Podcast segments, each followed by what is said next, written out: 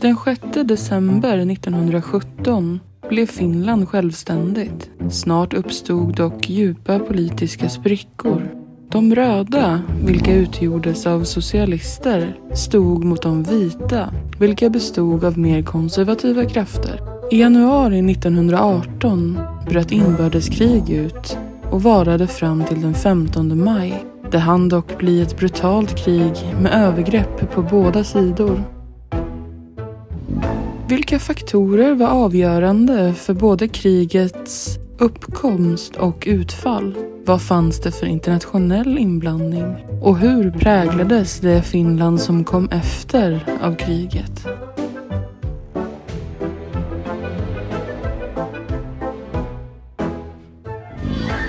Gästar gör Ann Hedén.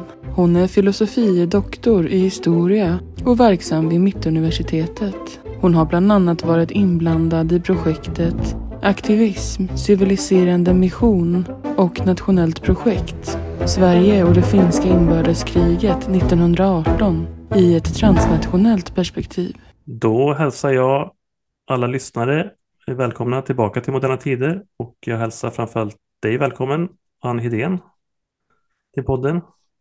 Tack. Vi ska ju prata om eh, fin det finska inbördeskriget 1918. Men jag tänkte om man ska börja lite längre tillbaka i historien, vad Finland var för samhälle och land under 1800-talet och kanske tidigt 1900-tal.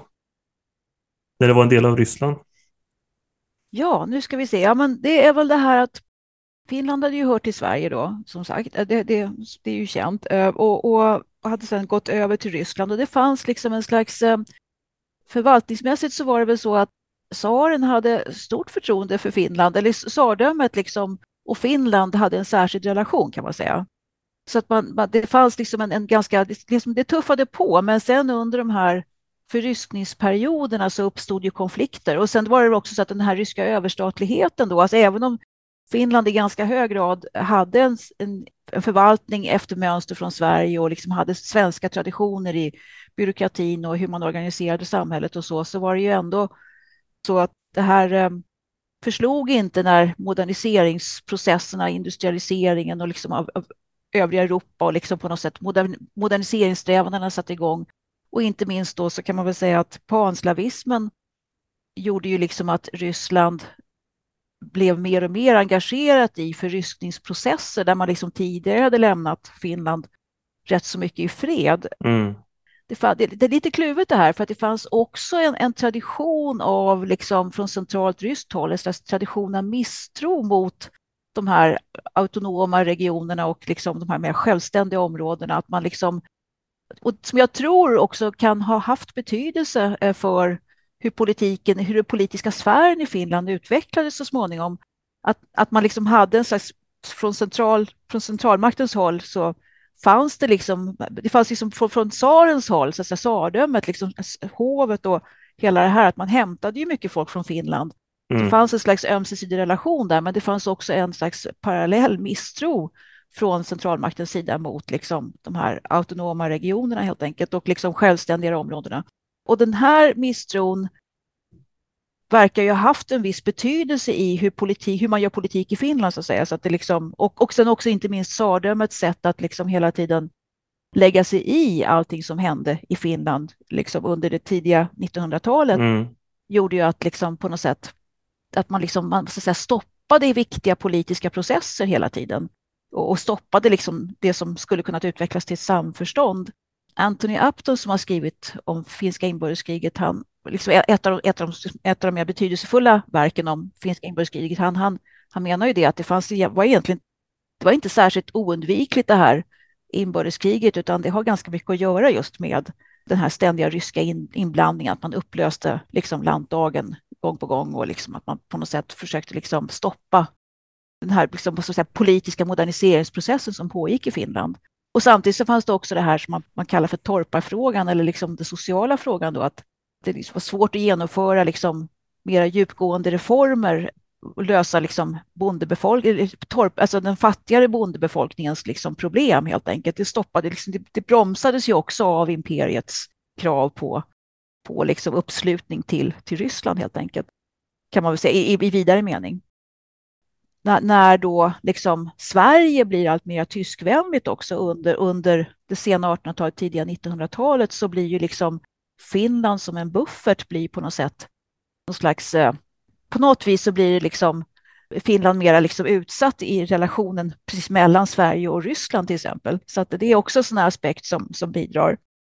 Vad kan man säga mer? Det är Jo, vi har tysk-japanska, förlåt, rysk-japanska kriget. Alltså Japan gick ju framåt med, med stormsteg under den här perioden och där blev det väl liksom så att man först så besegrade man Kina i sino-japanska kriget där i mitten av 1890-talet och sen så kom, kom då rysk-japanska kriget. Och då handlar det ju om att Japan tycker att Ryssland är för expansivt och blir ut sig för mycket i den här liksom i regionen i Stilla havsregionen där åt det hållet liksom. Och då på något sätt så, så, så och Ryssland har ju väldigt eh, starka intressen. Det är Manchuriet man bråkar om, Manchuriet och Korea.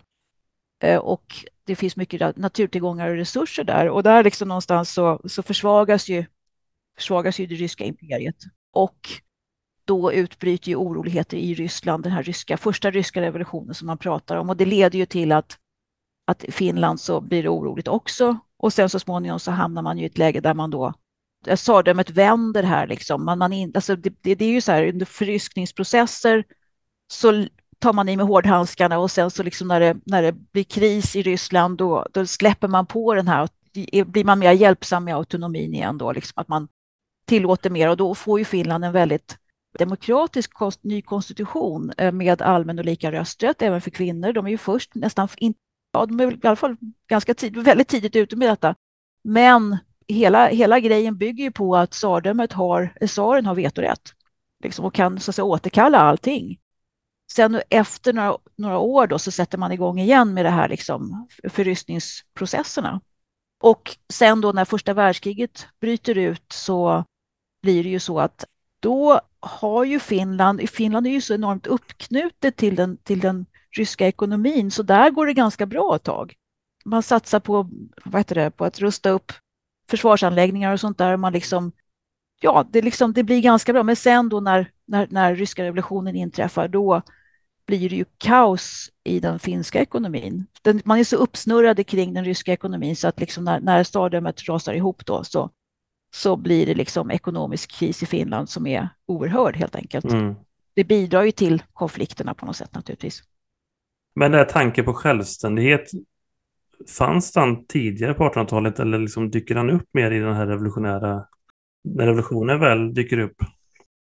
Det här med nation, alltså det är väl det här att president Wilson i USA 1918, det är Wilsons punkter där som man brukar prata om, att han slår ju, alltså han, han så att säga formulerar ju en massa principer där som har liksom en, den liber, liberala nationalismens princip, att liksom en kultur, ett folk, alltså pratar man samma språk så ska man liksom kunna, har man samma kultur ska man kunna liksom ingå i samma kulturområde. Eller på något sätt ska man kunna vara en nation och i praktiken då under först, efter första världskriget så blev, det så blev det ju så att hade man en skyddsmakt kunde det funka, men långt ifrån alla liksom lyckades ju med, det, lyckades med detta nationella projekt. Men hans punkter då kan man säga, de har ju rötter längre bak i 1800-talet helt enkelt, någonstans runt 1850. Och i den franska nationalismen naturligtvis, franska revolutionens tankar om nation och, och folk och sådär, men, men, alltså nation och liksom medborgarskap kan man säga då. Medan så, så, att på något vis så finns de här tankarna om ökad autonomi och självständighet, det finns i Finland.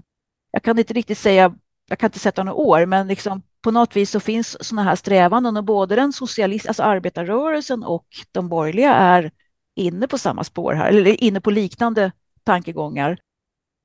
Fast med lite olika, liksom, man kan säga att arbetarrörelsen då är ju för lika, liksom, lika och allmän rösträtt och liksom driver sådana krav och rättvisekrav och sociala frågor.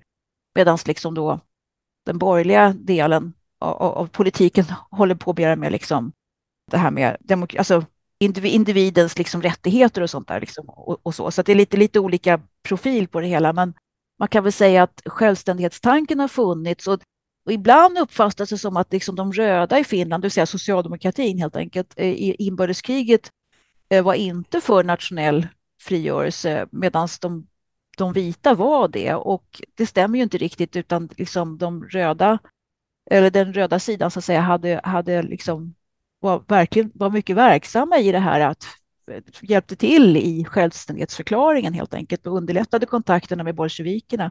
Men sen hade man väl en slags tanke om att man skulle gradvis få eh, liksom ökat nationellt självbestämmande inom ramen för det som pågick i Ryssland. Så att säga. Men det, det är liksom en kantring som, som sker där. Ganska, det, det, är liksom en ganska, det är ganska sent som det kommer in. Liksom. Vad är det som händer då 1917? 6 december är det väl man utropar sin självständighet? Ja, ja det, det är liksom det, det här att, att um, då, det, det, pågår liksom en slags uh, underhandsdiskussion med bolsjevikerna. Ska de godkänna det? Ska de inte godkänna det? Och det gör de då till slut. Så att säga. Så att, men liksom, och det är genom förmedling av uh, liksom Socialdemokraterna helt enkelt. Men vad hade, vad hade liksom Lenin för skäl till att släppa Finland? Ja, jo, men det är det att man ville liksom ha stöd för, liksom, för, för, för, för liksom det socialistiska projektet i Ryssland helt enkelt. Så att liksom man vill skapa allierade helt enkelt. Så det är liksom, och, och sen så var det ju så att i det här tidiga revolutionära skedet så var bolsjevikerna och deras allierade kan man säga i Ryssland, de var ju för så att säga, ett slags eh, nationellt självbestämmande liksom, för minoriteter och så. Så att liksom det, det här liksom ganska häftiga sovjetiska dominansen, alltså det här Sovjet, Sovjet som det blev är ju liksom en produkt av en slags ganska vad ska säga, rysk nationalism också. På något. Man måste ju se att det fanns ett sådant spår i mm. det bland de som tog över sen. Så att säga. Mm. När det gäller det här med nationellt självbestämmande och så, så kan man väl säga att, att det fanns ju liksom en slags um, ett slags folk som flyttade till Sverige helt enkelt i den finska borgerligheten för att kunna liksom, och för, för att klara sig men också för att liksom driva frågorna om nationellt liksom oberoende och sånt där. Eh, och här ser man då att från det att den här landdagen liksom blir en det här, det här från den här 1906, alltså från den här liksom nya konstitutionen där det blir allmän och lika rösträtt, då blir den svenska minoriteten i Finland har ju inte alls samma representation som den har haft under ståndsriksdagen, Finlands ståndsriksdag så att säga. Så där blir, då ökar kontakterna med Sverige väldigt mycket, de svenska nätverken. Och det är så som de här stödet till den fin finska vita sidan börjar liksom etableras att, och organiseras liksom väldigt mycket. Så att där ser man att kontakterna västerut blir mycket mer viktiga liksom under den här perioden och sen så kulminerar det under 1918 då och sen blir det liksom en svalka-period och när, när Finland, de, de, vita i Finland har varit mycket mer liksom intresserade. De har liksom allierat sig med tyskarna i första världskriget. Så att liksom där finns det på något sätt liksom en slags, där är det lite grann en breaking point kan man säga. Mm. Men när man väl blir självständig då, vad är liksom, hur ser den politiska sammansättningen ut? Är man, alltså finns det konflikter som är tydliga redan då eller är det någonting som exploderar i samband med detta? Det är väl så här att under 1905 där så organiserade sig, alltså då, då rasar ju liksom i och med att ordningsmakten och liksom polis och militär, allt det där liksom försvinner ju från, från alltså på något vis så liksom, man, man organiserade sig i skyddskårer. Det fanns liksom ett embryo till de här skyddskårerna redan då, men sen så delades de så småningom upp i röda och vita, alltså arbetarrörelse, borgerlighet så att säga. Och sen kan man se att under då 1917, från februarirevolutionen och framåt då, så blir det så här att då finns det ju väldigt mycket ryssar i, i Finland med ryska, ryska soldater, ryska förläggningar, men de åker ju hem. Mm. Därför att de ryska soldaterna och värnpliktiga under den här perioden, vad är de intresserade av? De är ju bondsöner, liksom, eller de är liksom, kommer från landsbygden de flesta av dem och pågår liksom en slags gigantisk omvandling av av jordbruksläget eller situationen för bönderna i, i, i, Ryssland, i det, som, det som då är Ryssland efter tsardömets fall, därför att då förväntar sig många att det ska bli en jordreform. Mm. Och det gäller att åka hem och bevaka det, så att säga. Och det, det, är det som är problemet då i världskriget för Rysslands del, att de, liksom, det är svårt att hålla trupperna vid fronten helt enkelt, därför att de, de liksom har andra grejer att göra och rösta med fötterna nästan kan man säga. Men då, så de här, och sen så evakuerar man allt fler ryska soldater från Finland hemåt. Och där upplöser sig ju då, då, då händer liksom följande att, att det finns massa rysk krigsmateriel som, som är på drift. Vart ska den ta vägen? Så liksom man håller på, man håller på så att säga och så att säga, det, det, det, det lånar sig till att liksom de här skyddskårerna då samlar material och, och även importerar material från, från Tyskland gör de ju.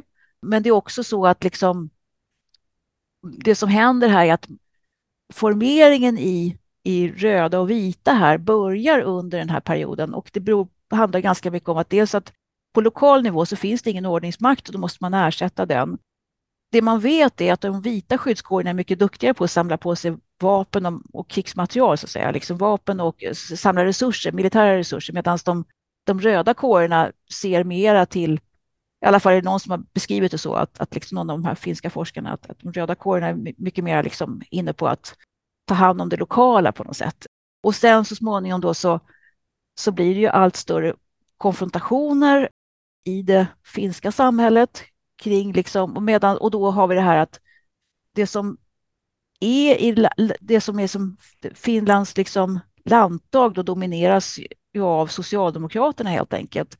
Och där de utfärdar då i oktober, eller på hösten där så utfärdar de en slags en lag som säger att det nu tar vi över här, nu är det liksom landdagen i Finland som bestämmer över, landdag, över, över, över situationen.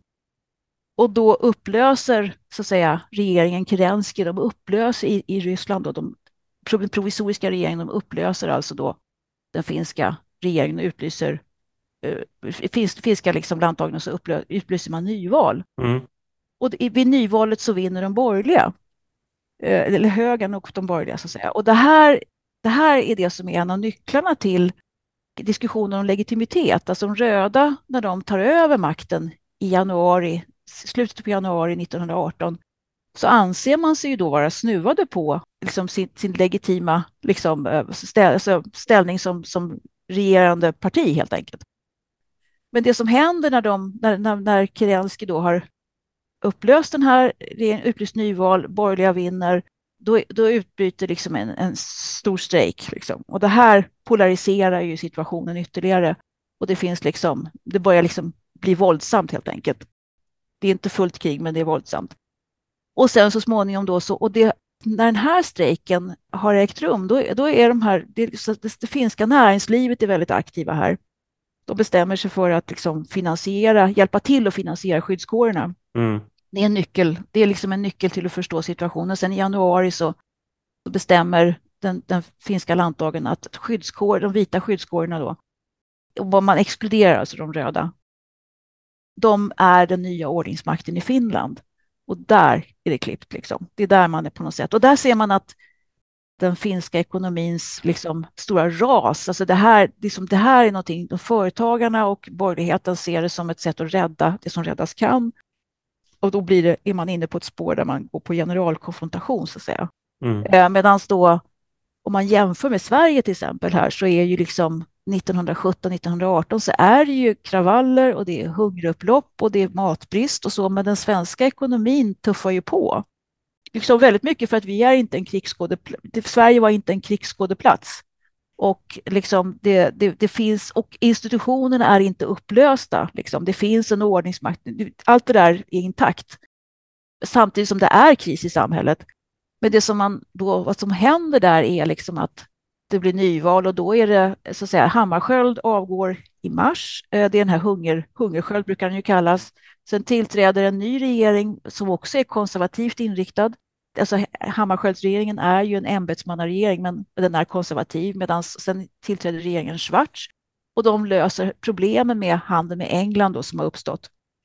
Och där, det, där trycker ju företagarna på. De vill ju ha sin industri, de vill ju rulla på. Liksom. Företagare vill ju att det ska funka. Ja. Och, det här, och, och, sen så är det nyval och då är det socialdemokrater och liberaler som kommer i regering och där någonstans så, så liksom börjar man förbereda rösträttsreformen och sen så 1918 då på hösten när det också är oroligt, 1918 är också väldigt oroligt så att säga, då kanaliseras hela diskussionen till fråga om rösträtt.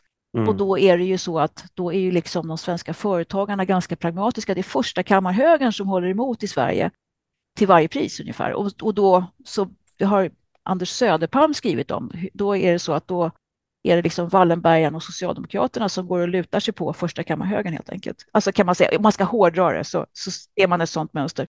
Och, och det gör de Inte för att de är goda demokrater nödvändigtvis, det kanske är någon en annan som är det också i den här bland industrialisterna, utan det är snarare så att man vill, man vill hålla hjulen igång. Mm.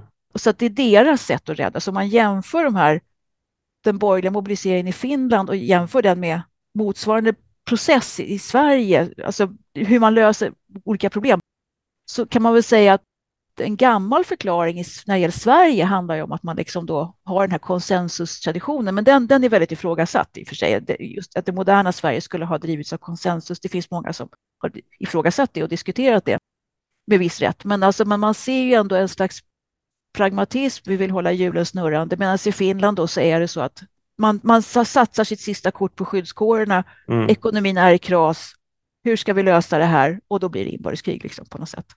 Och, och, då kan man säga att det är det här att, att Finland är så uppsurrat mot Ryssland, eh, Tsar-Ryssland, det är det som är liksom en av de verk, verkligt drivande krafterna i det här, att, liksom att det blir så destruktivt som det blir så att säga.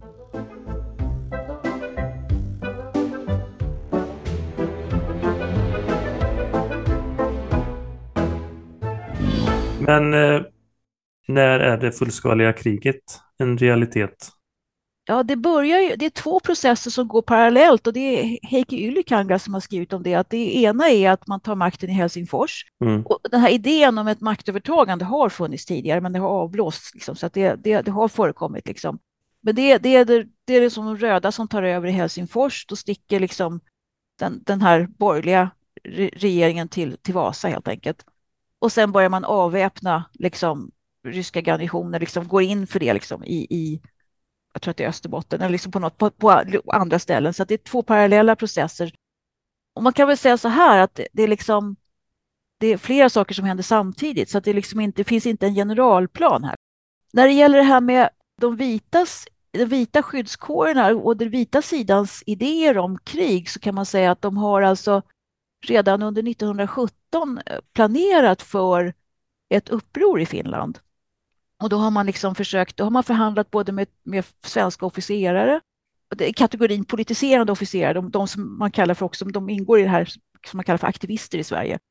Det finns både finska aktivister och svenska, men de, de har lite olika stuk. Liksom. Men, och sen har man också förhandlat med Tyskland om stöd. Och sen så på något sätt så är det så att man har planer på att liksom få igång liksom ett uppror mot Tsarryssland. Sen inträffar ryska revolutionen och då förskjuts alla de här planerna. Så att det, liksom, det finns en idé om att göra ett militärt uppror. Det, det liksom, och det är därför man håller på också med det här med att samla på sig vapen och importera grejer. Och liksom, man har också skickat iväg folk till Tyskland för militär utbildning. Det är så kallad jägarrörelsen kallas de för. Så att, och, och när, när de här jägarna skickas iväg för utbildning då är det fortfarande så att socialister och borgerliga i Finland är inte osams än. Så att säga. Så att det, liksom, det finns, men sen när, när, när jägarna väl skeppas tillbaka, då, då har man sorterat ut de som hör till arbetarrörelsen kan man säga. Så att det liksom, det, man har liksom gjort en, en gallring av de som så att säga kom, kommer tillbaka. Ja. Visserligen fanns ju fraktioner i samhället så att säga, men vad är det som gör att det blir just en väpnad konflikt? Ja, alltså jag jag tror att det handlar ganska mycket om, alltså det, det är väl, det där är en jättebra fråga som är svår, ganska svår att besvara, men jag tror att, att i och med att, jag skulle säga att den, den här vita, de vita, alltså skyddskårerna och de som liksom de som driver frågan, det, är alltså, det finns en, en aktivistkommitté och så finns det en militärkommitté. De, de har ju liksom en slags idé om militära lösningar kan man säga.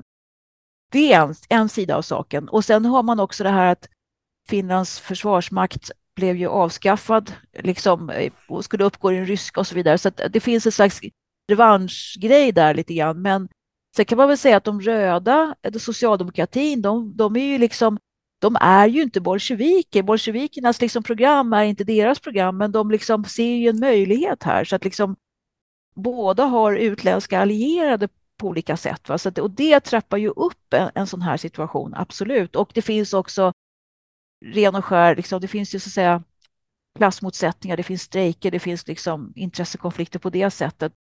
Och i en situation där, där det, det, finns ingen, det finns ingen så att säga central, alltså det här med våldsmonopolet är upplöst kan man säga. Så att på ett sätt så, så är upplösningen i Ryssland det som påverkar situationen i Finland, medan om just finnarna skulle vara mer våldsbenägna eller liksom inte, eh, eh, liksom ja, det, det, det, det, låter sig liksom inte riktigt sägas tycker jag. Men däremot så kan man väl säga att det som, återigen det här att det, det, var inte självklart att det behövde gå till inbördeskrig så att säga, utan det är liksom det hade i, ett annat, ett annat, i en annan samhällssituation hade det kunnat gå att förhandla kanske sådär. Liksom. Det, det är jättesvårt att dra några enkla slutsatser där tycker jag. Men om man ser på själva krigs, själva kriget, hur det utvecklas. Det är ett ganska kort krig ändå rent i tid, men brutalt. Får man väl säga. Ja, alltså den här brutalitetsnivån är ju liksom... Här finns det ju forskare som menar på att det liksom, man, man ser de röda som landsförrädare. Mm. Alltså, och sen är det det här att, att, liksom att man ser de röda som ryssar. Liksom. Och, det, och, det, och det här är ju då de svenska frivilliga som kommer till Finland. Några av dem, eller de, de kommenterar rätt ofta att ja, men det är väl inte ryssar det här, det här är väl liksom finnar som vi, som vi bekämpar. Mm. Och, det, och det, en del, för en del är det fullständigt okomplicerat och för några är det liksom ett problem kan man säga.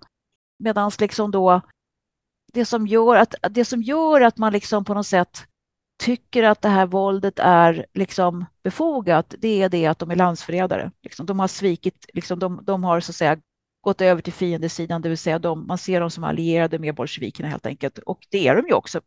Så att säga. Men, det, men det, inbördeskriget är kort och det liksom förs med alla tillbörliga, alla möjliga medel och det finns också en, en enormt stark propaganda som säger att de röda är terrorister och de misshandlar, torterar och så vidare. Och så vidare. Och det finns en röd terror i början av kriget som, som man, man, man vet att, liksom, att de röda får hårt fram, så att säga. men sen är det ju då, tar man, de vita tar det till intäkt för att liksom hämnas helt enkelt. Och det, är liksom, det, man, man, man, det är det att man har problem att härbärgera krigsfångar som man tar heller, liksom, i den mån man kan så, så skjuter man dem helt enkelt. Och sen så liksom det finns liksom ingen, man, man, man, det finns konventioner om hur man ska behandla fienden i krig, men man ser dem inte som fiender, man ser dem som landsfredare. Och, där, och därför har man liksom rätt att behandla dem hur som helst. Och det är liksom det, den här brutaliteten då, när man kommer till slaget vid Tammerfors, Tammerfors är den stora industristaden i väst, nordvästra Finland tror jag, om jag inte säger fel nu med geografin. Alltså. Men däremot så, liksom, så är det då att, att där någonstans, dit flyr de röda. Liksom, det är dit de, liksom, de, de backar tillbaka där på något sätt. Och då vet de att nu är det, liksom, det finns ingen väg ut. Och då slåss de för sina liv. Och de vet att de blir avrättade om, om liksom de kommer i fiendens händer. Och det där har Mannerheim då som är överbefälhavare där, han, han liksom har ju då insett att om man, man ska undvika att ta livet av väldigt mycket människor så måste man liksom skicka ut ett budskap om att det går att ge sig, liksom. man kan vara fånge. Och detta kommer liksom ut för sent kan man säga. Det är ingen som tror på det här därför att man, man, man har hört talas om hur det går till. Liksom. Och då kan man väl säga att, att det är också så att, och det här Heikki Ylikang har skrivit om, att, att officerarna hade satt exemplet. Liksom. Det var de som liksom visade manskapet hur man skulle göra. Eh, och på det viset så fanns det en praktik eller en praxis om hur man skulle behandla krigsfångar.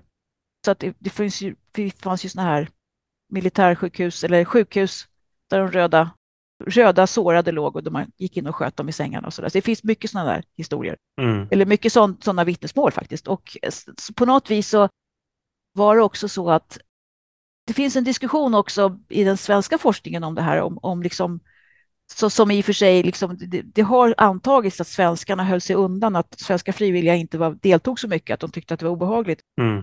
Men sen så senare forskning har vi visat att, att de anpassade sig väldigt fort. Det gör man tydligen i sådana här situationer. Det är liksom svårt att gå uppåt i kommandokedjan och börja ifrågasätta saker. Det är jättekallt, fångar, det finns ingen mat, liksom, fångarna sitter där, liksom, vad ska man göra med dem? Och eh, då tillämpar man någon sorts pragmatism.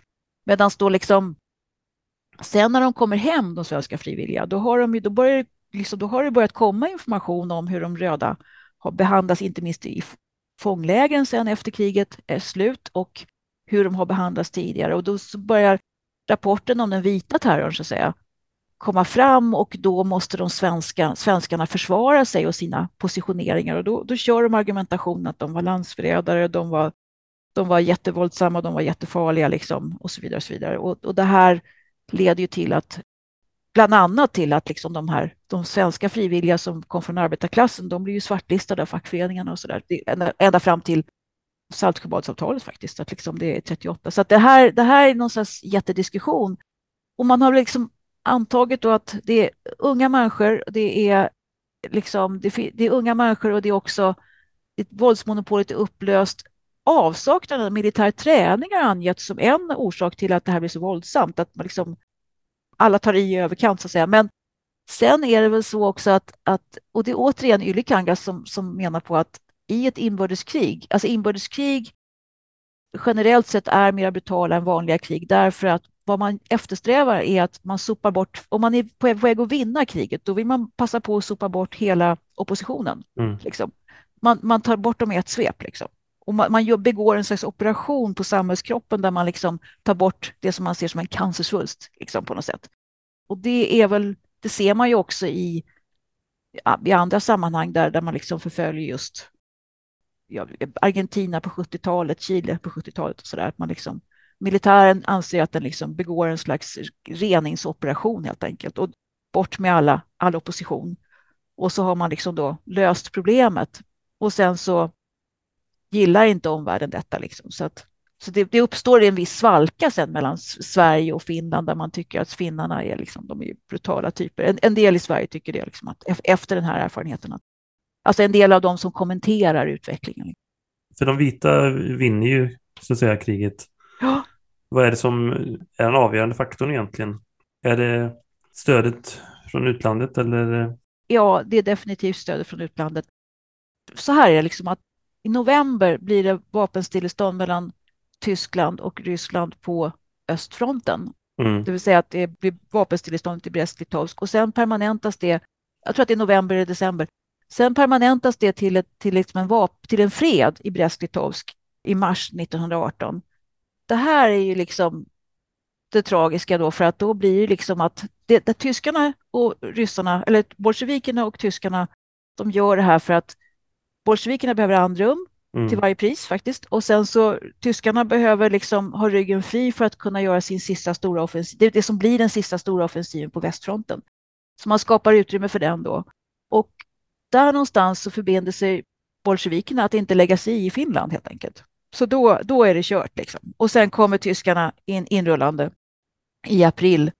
Och det här blir ju liksom en slags matter of pride för Mannerheim och kompani därför att då ska de se till att de så att säga, har gjort den stora avgörande segern och det slaget vid Tammerfors innan tyskarna kommer in. Och när tyskarna kommer in då återstår det att liksom, ta över Helsingfors och göra utrensningsaktioner i södra, runt omkring i södra Finland, vilket de gör. Och det är där som de svenska frivilliga och är med på den, på den hörnan ganska mycket. De är med vid Tammerfors och de är sen med i södra Finland i huvudsak. Men alltså det som avgör det hela det är den tyska insatsen och den gör man liksom, man, man så säga, förbinder sig då, vad kan man, kan man säga, att det, är liksom, det blir ett avtal där den vita sidan så att säga man, man erbjuder väldigt lukrativa ekonomiska avtal till, till Tyskland helt enkelt och sen så blir det också så att den finska vita armén, den omorganiseras efter krigsslutet till liksom att man har en parallell tysk och finsk stab till exempel. Så att liksom man har parallell, parallell ledning. Och det här eh, så man, så man surrar upp sig, om man har tidigare varit uppsurrad till Ryssland så surrar man upp sig som stenhårt till den ryska, eh, till den tyska, till tyska kejsardömet helt enkelt. Och det här då är någonting som, som väcker svenskarnas enorma harm. Alltså svenskarna har ju, de svenska aktivisterna som har sett till att Svenska brigaden kommer in i bilden, liksom, de, de har ju hoppats då på att kunna erövra ett visst inflytande i Finland helt enkelt. Och man, man hoppas väldigt mycket på Mannerheim. Han, han ses ju som svenskarnas liksom förbund här. Mm.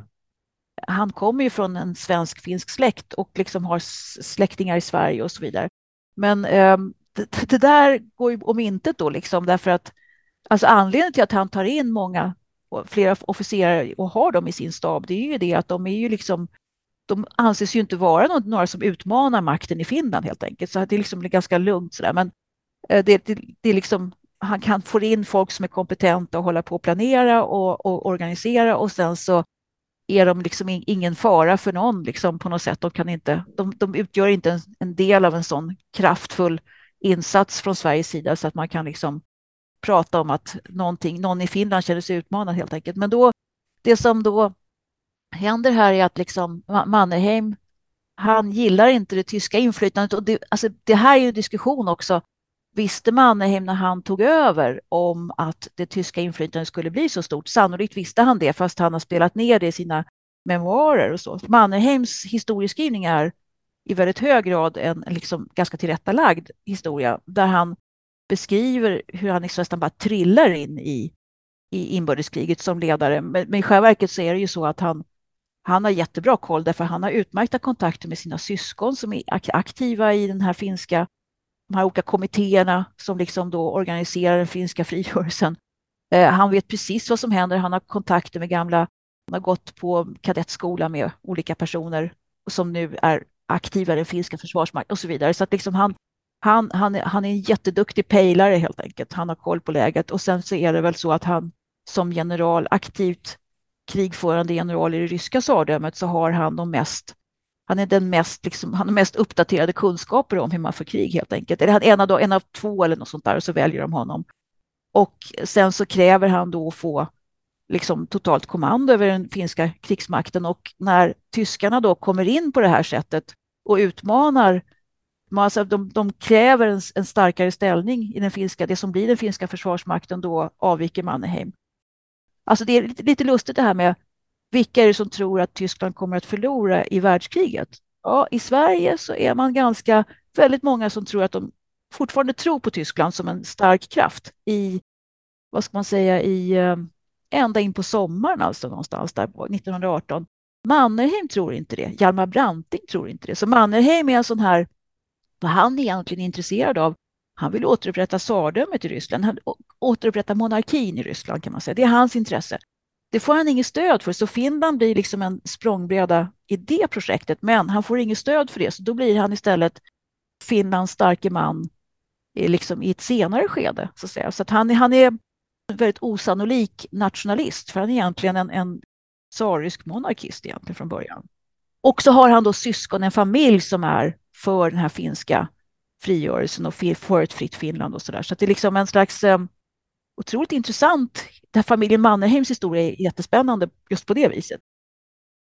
Ja, så, så, jo, så han sticker och sen så blir det han som, Mannerheim som förhandlar fram en deal med de allierade när Tyskland väl har liksom då. Ja, jag tänkte just på det, vad som hände sen, för Tyskland eh, är ju inte ett kejsardöme så länge till.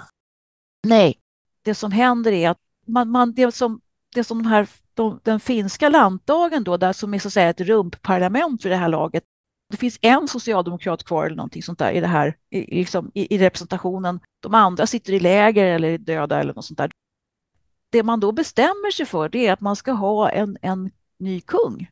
Mm. Och, det, och det, det, Mannerheim är inte för en tysk kung kan man säga. Men, men liksom det, det, och där, då rekryterar man alltså någon från Tyskland helt enkelt. Och det är då och, och den tillträder aldrig. Alltså jag tror att det är en kusin till kejsaren, någonting sånt där. Jag har faktiskt inte riktigt björnkoll på det, på släktskapet, men det är i alla fall någon från, från den tyska kejsarfamiljen. Och han vill inte bli kung med den begränsade land... Den, alltså han, han, tycker att det här är för lite stöd. Vill, han vill bli vald kung. Va? Så han är tveksam till att ta på sig det hela, men gör det till slut. Och sen när Tyskland då förlorar kriget, då, eller när, de, när kejsaren har abdikerat, då är det liksom, då, då blir, det realiseras aldrig det här. Nej, man blir republik istället. Ja, med en väldigt stark eh, presidentmakt. Och då hoppas ju man, och då blir Mannerheim, han blir åter, man återinsätter honom då som, in, inte som ÖB, det kan, alltså, utan han, han blir alltså då eh, statschef här, tillfälligt till, tillförordnad statschef. Och så krävs, kräver de allierade att Finland ska ingå i det här en sorts kordon sanitär som man säger då att liksom det är en buffert mot Ryssland. Mm.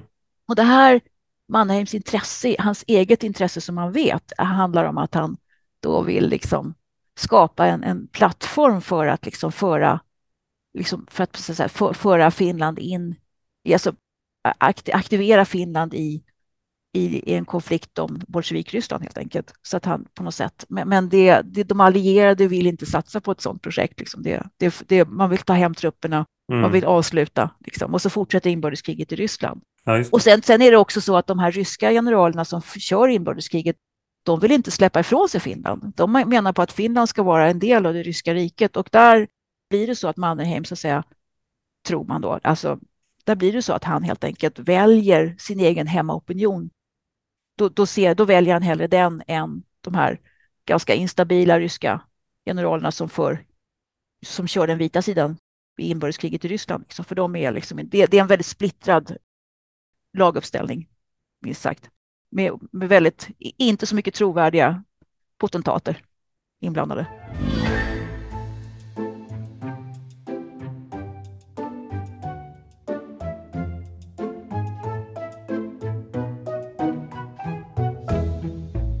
Nej, för hur blir utvecklingen, tänker jag, när det väl liksom kriget är över, men det ändå liksom måste ju vara väldigt sårigt. Ett inbördeskrig är ju ofta svårt att läka, lappa ihop saker med tanke på att eh, det är så tydliga grupperingar liksom, i samhället som har stridit mot varandra. Ja, det där är ju um, det blir ju väldigt liksom, det, det, det, är väldigt dubbelt därför att när det blir demokrati i Finland 1919 då igen och första valet och så det, första, det första som händer, eller det som i, ögon, i är att det är liksom inte Mannerheim som blir den nya presidenten utan det, det blir ju då Stålberg tror jag, om jag inte minns fel. I alla fall och då på något sätt så en liberal kraft alltså och där blir det ju så att det, det finns ju stora läger, jätte, man, man, 75-80 000 hamnar i läger och det är de här på den, vita, på den röda sidan då. Jag kan bara säga som en parentes här att liksom, den röda sidan rekryterade ju väldigt många frivilliga och inte minst för att de också kunde få då liksom såld eller arvode, liksom, lön helt enkelt. Medan den vita sidan sen, sen som började ju de resurserna att sina där kan man säga. Och det var också så att befälsordningen på den röda sidan funkade inte utan man liksom röstade om hur man skulle förhålla sig i frontavsnitten och sånt där. Och det är liksom, allt det där var ju liksom dömt att misslyckas naturligtvis då, militärt. Eh, Medan den vita sidan hade flera militärt eh, eh, skolade ledare och man införde också en värnpliktslag mm. som gjorde att man liksom, det, då, då, fick man ju folk så att väldigt mycket, det var väl väldigt många då som så det var väl i alla fall de här, de, alla de här 70-80 000 som satt i läger som, som släpptes i omgångar också naturligtvis. De liksom eh, var ju väldigt fruktansvärt illa behandlade. Det var väldigt lite var matbrist i Finland. Man släppte ut folk pö om pö, men liksom på något vis så de hade då, de flesta av dem förlorade sina medborgerliga rättigheter på flera år. Mm. Eh, fick inte rösta och fick inte delta i kommunala val. Den där typen av saker då. Och väldigt många dog av sjukdomar. Och det är känt också att man till och med struntade i om det kom folk som var smittade, som man visste hade olika smittsamma sjukdomar, att man satte dem i lägret i alla fall. Man struntade i det helt enkelt. Eh, så att den här behandlingen gav ju upphov till stora sår i folksjälen, eller hur, om man nu kan prata om folksjälar. Men det här sitter kvar, eh, satt ju kvar länge. Och vad som hände sen var väl att man då på det fanns jurister, det fanns i alla fall en jurist som, som formulerade liksom lagar som skulle göra det möjligt att avrätta samtliga som satt i lägren för landsförräderi. Va? För att de hade varit med på den röda sidan helt enkelt. Och det här bromsades då av den, liksom, den här mer allmänborgerliga liberala delen av liksom den finska liksom, politiska sfären, alltså det som, det som blev den nya, i den nya landtagen, därför att man vill helt enkelt inte ha ett sådant blodbad. Man orkar liksom inte med. Alltså dels rent humanitärt sett vill man inte ha en sån katastrof på, på sina händer, liksom, eller ansvar, ta ansvar för det. Och dels så var det ju också fråga om arbets, arbetskraft liksom, på något sätt, att man behövde liksom all, alla händer behövdes egentligen. Men det som, det som hände sen är väl liksom att under 20-talet, och det som efter det här valet 1919, så, så blir till exempel Tammerfors får ju socialdemokratisk majoritet. Och det här är väldigt komplext därför att å ena sidan så, så blir ju liksom arbetarrörelsen väldigt stark i Finland igen, ganska fort, eller inte fort, men liksom, det, det, den, växer, den växer till sig helt enkelt. Medan samtidigt då den här extremhögern är också stark. Så det liksom finns en polarisering där under 20-talet och tidiga 30-talet och som mynnar ut i det här som kallas för Menseleupproret 1932. Och det är alltså eh, Lapporörelsen då försöker göra någon form av statskupp eller marsch mot Helsingfors. Sådär. De, de håller på. Varför, blir, varför lyckas inte det här? Det har man ju diskuterat. Fascismen i Finland, varför lyckas den inte? Liksom? Och då kan man väl säga att väldigt mycket hade man ingen samlande figur som var engagerad i att mobilisera kring nya och flera konflikter. Mannerheim har beskrivits i en engelsk eller amerikansk biografi som att han liksom sitting on the fence var hans taktik. Han väntade tills liksom det hela, han visste vart det skulle luta. Liksom. Och, och, sen, och han hade kontakter hela tiden med de här Mensele-gänget, men de kom, kom, de kom och gick hos honom. Men, men, han, han var inte intresserad. Han ville hellre bli hela Finlands överbefälhavare. Liksom. Och, och, och, det lyckades han ju väldigt bra med. Så att liksom, han hade sitt projekt där. Och han var inte intresserad av att bli någon slags diktator i den här klassiska, det som vi idag ser som diktator, alltså Hitler, Stalin. Han hade inget sådant engagemang. Och eh, om han var intresserad av nationell försoning, eh, det, vet, det är svårt att säga, men han var i alla fall, han gjorde sådana gester kan man säga. Han, han skapade barnhem och han liksom hjälpte till, han gav pengar till, till olika projekt där man då skulle liksom, så sociala projekt helt enkelt, där, där, där, de, där de som tidigare röda då hade liksom, skulle hjälpas och sådär. Vad kan man säga mer? Han, när det gäller just det här med röda och vita finnar så vet man att den finska lottarörelsen som kommer väldigt mycket, Lotta svärdrörelsen som kommer väldigt mycket från just de kvinnliga organisationskommittéerna som hjälpte den vita sidan under inbördeskriget, de var väldigt tveksamma till att ta in, alltså de var väldigt tveksamma till om det överhuvudtaget skulle gå att rekrytera röda kvinnor i liksom den, för att hjälpa till i den finska försvarsmakten. De, de trodde inte det helt enkelt. Nej. I Sverige var det jättesjälvklart att alla skulle in under paraplyet. Medans, men i Sverige fanns det inga sådana konflikter. Utan i Sverige så fanns det klassmotsättningar men, och de ansåg man i liksom kvinnorörelsens anda, man, svenska lottarörelsen var väldigt influerad av hur kvinnorörelsen fungerade, att man skulle absolut överbrygga klassmotsättningarna. Men i Finland så, ser man att, säger man att det, det tror vi inte funkar. Kanske unga personer. Och det här håller på då ända tills in i vinterkriget kan man säga. Där, där, där börjar positionerna flytta på sig. Så har jag förstått det. Ja, för jag tänkte lite, hur såg det ut liksom bland folk på gatan och liksom socialt? Fanns det konflikter också då med vilken sida man sympatiserade med eller så? Ja, jag tror att det var en väldig polarisering. Alltså det, det var en delad stat, så kan man säga. Liksom en statsmakt som var precis i bara så här liksom gick. Ja, du sa ju också att det var ett starkt propagandakrig också. Det påverkar också, tänker jag, människors syn på den andra då. Ja, alltså det fanns ju en, en mot... Det fanns, den, den vita propagandan blev liksom den officiella sanningen och då vet man att liksom, det fanns bara en sanning ända in i 60-talet ungefär. Liksom. Det fanns bara en story. Och sen fanns det en motberättelse, men den var, etablerades liksom i utlandet. De finska utvandrarna till Amerika, där fanns det liksom en, en mot, motstory där man berättar liksom om den vita sidans terror. Liksom och det, man kan se också efter i tioårsminnet 1928 så är det ju väldigt mycket i den svenska pressen. Så då ser man motberättelserna kommer i arbetarrörelsens press såklart. Det har ju funnits hela tiden, men liksom där gör man en, liksom en repeat på det. Och sen så ser man också att de här officerarna som har varit med, alltså de här ledande figurerna i den svenska insatsen, alltså som har, de som har varit med främst i den vita armén, inte bara i svenska brigaden, de, de skriver minnes böcker och sånt där och håller på liksom. Och, så, och där är det, där hyllar man då den finska frigörelsen och man hyllar liksom den finska, det liksom, man, man repeterar ganska mycket den finska propaganda, den vita finska propagandastoryn kan man säga. Och så höjer man den svenska insatsen på alla fronter liksom på något sätt.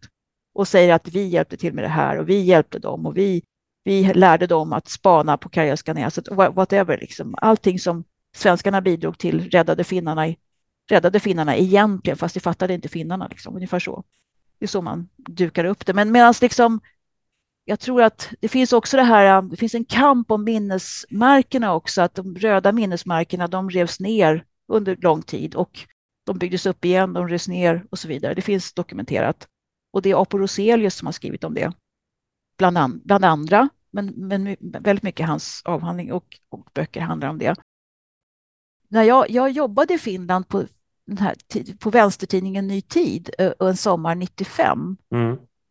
Och där var det väl så att, att då, liksom så, om man frågade då, då, då, då var det fortfarande så att, att om man liksom då frågade de redaktörerna för den tidningen så där, och de, de blev bara tysta. Och så sa de så att du skulle aldrig förstå. För det var Heikki Ylikangas bok hade kommit då, men den var inte översatt. De sa så att du skulle aldrig förstå.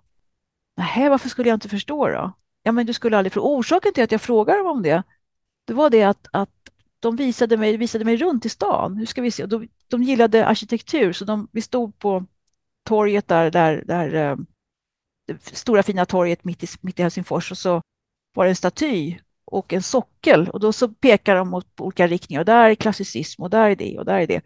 Och så sa jag så här, men vad är det här? Och så tittade jag på sockeln och så sa de så här, äsch, det där, ja det är från inbördeskriget liksom. Och det var ju kulhål, liksom. eller inte kulhål, det var så, man såg att det hade hänt någonting där med, det var, kulorna hade liksom tagit bort bitar. Och då, och då frågade jag så här, men oj då, det här är, är det här ett land med kulhål i väggarna? Då blev jag jätteintresserad och så började jag fråga och då, då sa de att Nej, men du skulle aldrig förstå. Vad var det jag inte skulle förstå? Och så höll det på så där. Och sen så frågade jag, så, men, men vad är era släkt? Vad är era släktingar med? Mm. Det här är alltså 95, så det är ganska länge sedan. Och sen så hade de var då i 40-årsåldern och så deras morföräldrar hade varit åsyna vittnen i alla fall. Mm. Och då visade det sig, det var tyst. Så Ja, min morfar hade en revolver. Jaha. Och den gömde han i mjöl. Alltså han, han var mjölnare så han dolde den i, han hade den inlindad i en handduk som han hade lagt i mjöl. Den här behållaren med det malda mjölet då. Mm. Jaha, men vilken sida var han på? Och så är det tystnad och så ja, den vita. Liksom. Det, skäm, det, var, det var skämmigt alltså, tyckte den här killen. Och, och, eh, och, och sen så var det, eh, finns det ju andra som berättar jag, för, jag har förstått det som att det inte alla som tyckte det var skämmigt, utan på något vis så finns det olika förhållningssätt här. Men, men det finns också, det är väldigt laddat. I, idag pratar man om det på ett annat sätt, tydligen. Idag går det att liksom föra en diskussion kanske, men det här hur man benämner inbördeskriget, det som vi tycker, vi säger att det är ett inbördeskrig i Sverige, så säger vi att i Finland, ja, det är ganska oladdat för oss, men för dem, för många där är det fortfarande så att man pratar, alltså Medborgarkrig betyder en sak, det betyder att det är det här frigörelseprojektet då som man pratar om. Så har vi inbördeskriget, det är klasskampsprojektet så att säga. Och sen så har man då liksom landat i att man pratar om händelserna 1918 för att det är så komplext. Liksom. Det är så många saker som håller på, olika nivåer som på något sätt håller på samverkar och det är lite oöverskådligt liksom alltihopa. Man kan väl säga också så här att en sak som hände där ganska direkt, alltså det blir demokratiska val socialdemokratin kom in igen i politiken och eh, man löste, det här torparlagstiftningen kom igång. Så man hade, för, man hade innan inbördeskriget kom igång så hade man förberett det här att lagar om att torparna skulle kunna friköpa jord. Torparna liksom så att säga, arrenderade mark och dagsverken och sånt där. Att det skulle finnas möjligheter för dem att bli små självägande bönder, att man skapade sådana öppningar. Det gjorde man ju kanske runt om i Europa, men men det kom igång efter 1919 då, eller någonstans i samband där. Och det var ett sätt att liksom också lösa de här oerhörda konflikterna som fanns. Men jag tänkte på sen det som hände i Finland under andra världskriget och de olika krig man vara med i då. Hur det påverkar sig den nationella gemenskapen eller liksom den historiska utvecklingen också sen tänker jag att för det var ju, känns ju mer som en enad som en enad front så att säga. Ja, och där, jag vet att jag var, var besökte Finlands, någonstans på 2000-talet, det tidiga 2000-talet så besökte jag Finlands armémuseum, som fortfarande då var väldigt traditionellt. Liksom. Och där var det då en sån här film som skulle liksom, en rekryteringsfilm för den finska armén helt enkelt. Och det handlar bara om en sak, försvara territoriet liksom, till varje pris. Alltså den svenska motsvarande filmer för Sveriges del, jag har sett någon sån där, det handlar ganska mycket om att liksom, om du vill vara med i Försvarsmakten kan du göra en insats för mänskligheten. Medan i Finland är det försvara territoriet. På något sätt. Punkt. Alltså, jag, jag såg bara en sån där, men det, det, de, de hade den rullandes liksom, och det var mycket om territoriet.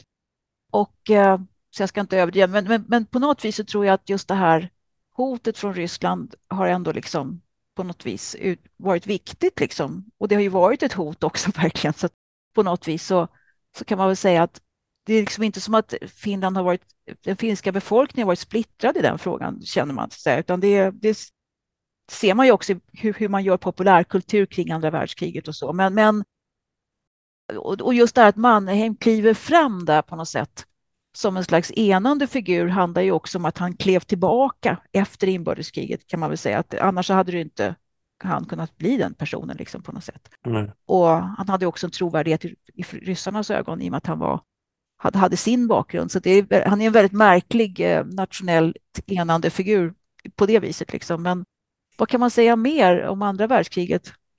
Man har ju liksom en slags pragmatisk hållning, men man kan väl säga att Tsarrysslands eh, framfart och liksom Stalintidens Ryssland i ganska olika storheter på något sätt att, att liksom förhålla sig till. Så att, och som angripare är ju Stalin-Ryssland en mycket mera enhetlig och liksom det är lättare att ena hela landet mot en sån kraft. Om du förstår liksom. Det är på något sätt, det finns liksom i, i, när det gäller inbördeskriget i Finland så var det ju Först var det tsardömet och sen var det liksom på något sätt som rasade ihop och sen var det då den provisoriska regeringen som innehöll olika åsikter om saker. Sen kom bolsjevikerna så att liksom, som förhandlade bort dem på något sätt så att det liksom förhandlade bort sitt stöd. Så det finns liksom, det är minst tre, det, det, det är några olika dramer som pågår där kan man säga. Det är liksom det, det är bolsjevikernas svek, det är provisoriska regeringens överkörning av liksom, eh, landdagen under 1917. Alltså, det finns liksom flera olika dramer medan liksom Stalin, Sovjet som anfaller liksom på något sätt. Jag tänker att det blir en enhet på det sättet och det blir en, liksom en enad berättelse att berätta efteråt mer än och in, den, den är liksom någonting som alla kan vara stolta över då än det här som du pratar om att man inte riktigt har en riktig definition för vad som hände 1918. Ja, ja precis. Liksom. Det, det, det är mer entydigt, men det är också så att man kan väl säga att det här fortsättningskriget där, så vet, där är det ju en jättediskussion och där har ju en del Alltså det, det är lätt att liksom, vad ska man säga, eh, fortsättningskriget, den traditionella berättelsen om den är ju att liksom vi var bara sida vid sida med tyskarna, men i själva verket så fanns det ju, ett, det, är ju Henrik Meinander inte minst eh, och andra som har, liksom, och Ola Silvenoinen tror jag han heter, eh, de, de har ju liksom på något sätt kart, eller Ola Silvenoinen har kartlagt det hela, liksom hur, hur samarbetet med tyskarna såg ut och hur man förberedde sig liksom, och hur, att alla visste vad som var på gång. Det var planerat. Det var liksom inte en, att man bara hängde på, utan det var planerat och det fanns tyska trupper i, i, i Finland innan fortsättningskriget bröt ut och så vidare. Och så vidare. Så det finns ju liksom en slags, där kommit en annan berättelse, men fortfarande kan, kan debatten vara ganska hård. Om ja, det är komplext. Liksom. Ja, precis. Men, men jag menar, så att man säger att det, det, vinterkriget det är en enkel historia. Det, det är enkelt fortsättningskriget är mycket svårare. Men enigheten om att stå emot Ryss Sovjetunionen är ju liksom väldigt, den, är, den, är, den, den, den tvekar man inte om. Liksom att det behövdes liksom att man skulle gå emot. Däremot om man skulle ha Tyskland som allierad eller inte, det, mm. det är ju en liksom, är det en skamfråga eller inte? Det, där finns det olika åsikter, så kan man väl säga. Ja, det är klart. Men jag tänker att vi kanske ska avrunda lite grann. Om man skulle kunna sammanfatta enkelt ja. du har pratat om på något vis? Eller vad tycker du är viktigast liksom, att ta med sig ändå? Jag, jag tycker så här att alltså jag, jag, för mig, det här studiet av, alltså det här projektet jag var inblandad i handlar ju om liksom ganska mycket om att hur förändrades den politiska arenan i Sverige av finska inbördeskriget? Och där kan man säga att, att eh, den som jag Lars Ekdahl som var projektledare i det här projektet, som kom sån här Östersjöprofessor. Vad heter, det, vad heter det projektet? Aktivism, civiliserande mission och nationellt projekt. Sverige och det finska inbördeskriget 1918 i ett transnationellt perspektiv. Okay. Och då är det då Lars Ekdahl som är Östersjöprofessor i, på Södertörn, eller han, han, är professor emeritus nu då. Men då han, han höll på med arbetarrörelsen och jag tog den, här, den borgerliga delen kan man säga. Och det viktiga här är väl att man ser Dels så ser man att, att det finns liksom, de här transnationella kontakterna är jätteviktiga för hur politiken formas. Liksom man ser att, att liksom, till exempel när det gäller arbetarrörelsen då i Sverige så blev reformismen liksom någon slags alternativ. Att man ser här, titta här, politisk revolution i Finland. Kolla, liksom, det blir formerande för den svenska socialdemokratin i, i, den tiden kan man säga. Och hur man såg på sociala frågan och hur man liksom såg på konflikter och sånt där. Eh, Medan sen finns det liksom någon som menar på att syndikalisterna till exempel tog intryck av finska inbördeskriget så tillvida att de sa att Nej, men vi kör den ekonomiska kampen, den politiska kampen är det kan man se här att det går inte.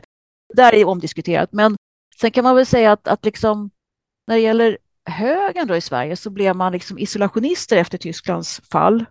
Eh, så att man liksom, alltså den politiska högern, alltså på, i riksdagen helt enkelt, de, de blev sådär att de var inte för Nationernas förbund. Eh, medan liksom socialdemokrater och liberaler, de gav sig in i det här projektet Nationernas förbund med hull och hår liksom, och tyckte att det här, här har vi en ny försvarsdoktrin liksom, på något sätt som vi kan liksom, så att man kan ägna energi åt att skapa välstånd, social, social välfärd eller försöka göra det istället för att rusta upp hela tiden. Så att här ser vi en lösning.